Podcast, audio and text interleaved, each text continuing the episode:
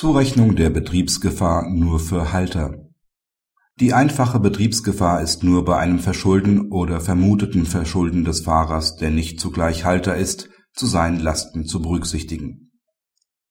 Der Kläger, ein Polizeibeamter, kam mit dem Dienstkraftrad zu Fall und verletzte sich, weil er zwei betrunkenen Fußgängern ausweichen musste.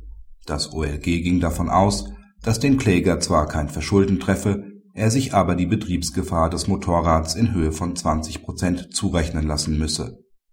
Dieses Urteil hob der BGH auf und verwies die Sache zurück. Der Kläger war nur Fahrer, aber nicht Halter des Motorrads. Nach der Rechtsprechung des BGH kommt eine Zurechnung dann nur in Betracht, wenn der Fahrer seinerseits schuldhaft gehandelt hat oder dies gemäß 18 StVG vermutet wird dies war hier nicht der Fall, daher kann der Kläger 100% Ersatz verlangen.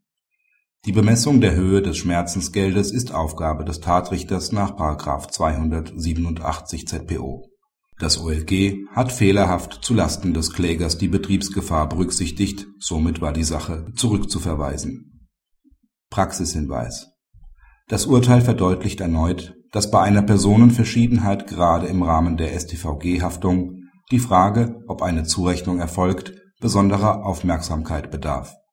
Wichtig ist auch, dass im Rahmen der Schätzung gemäß § 287 ZPO der BGH eine Kilometerpauschale in Höhe von 25 Cent gebilligt hat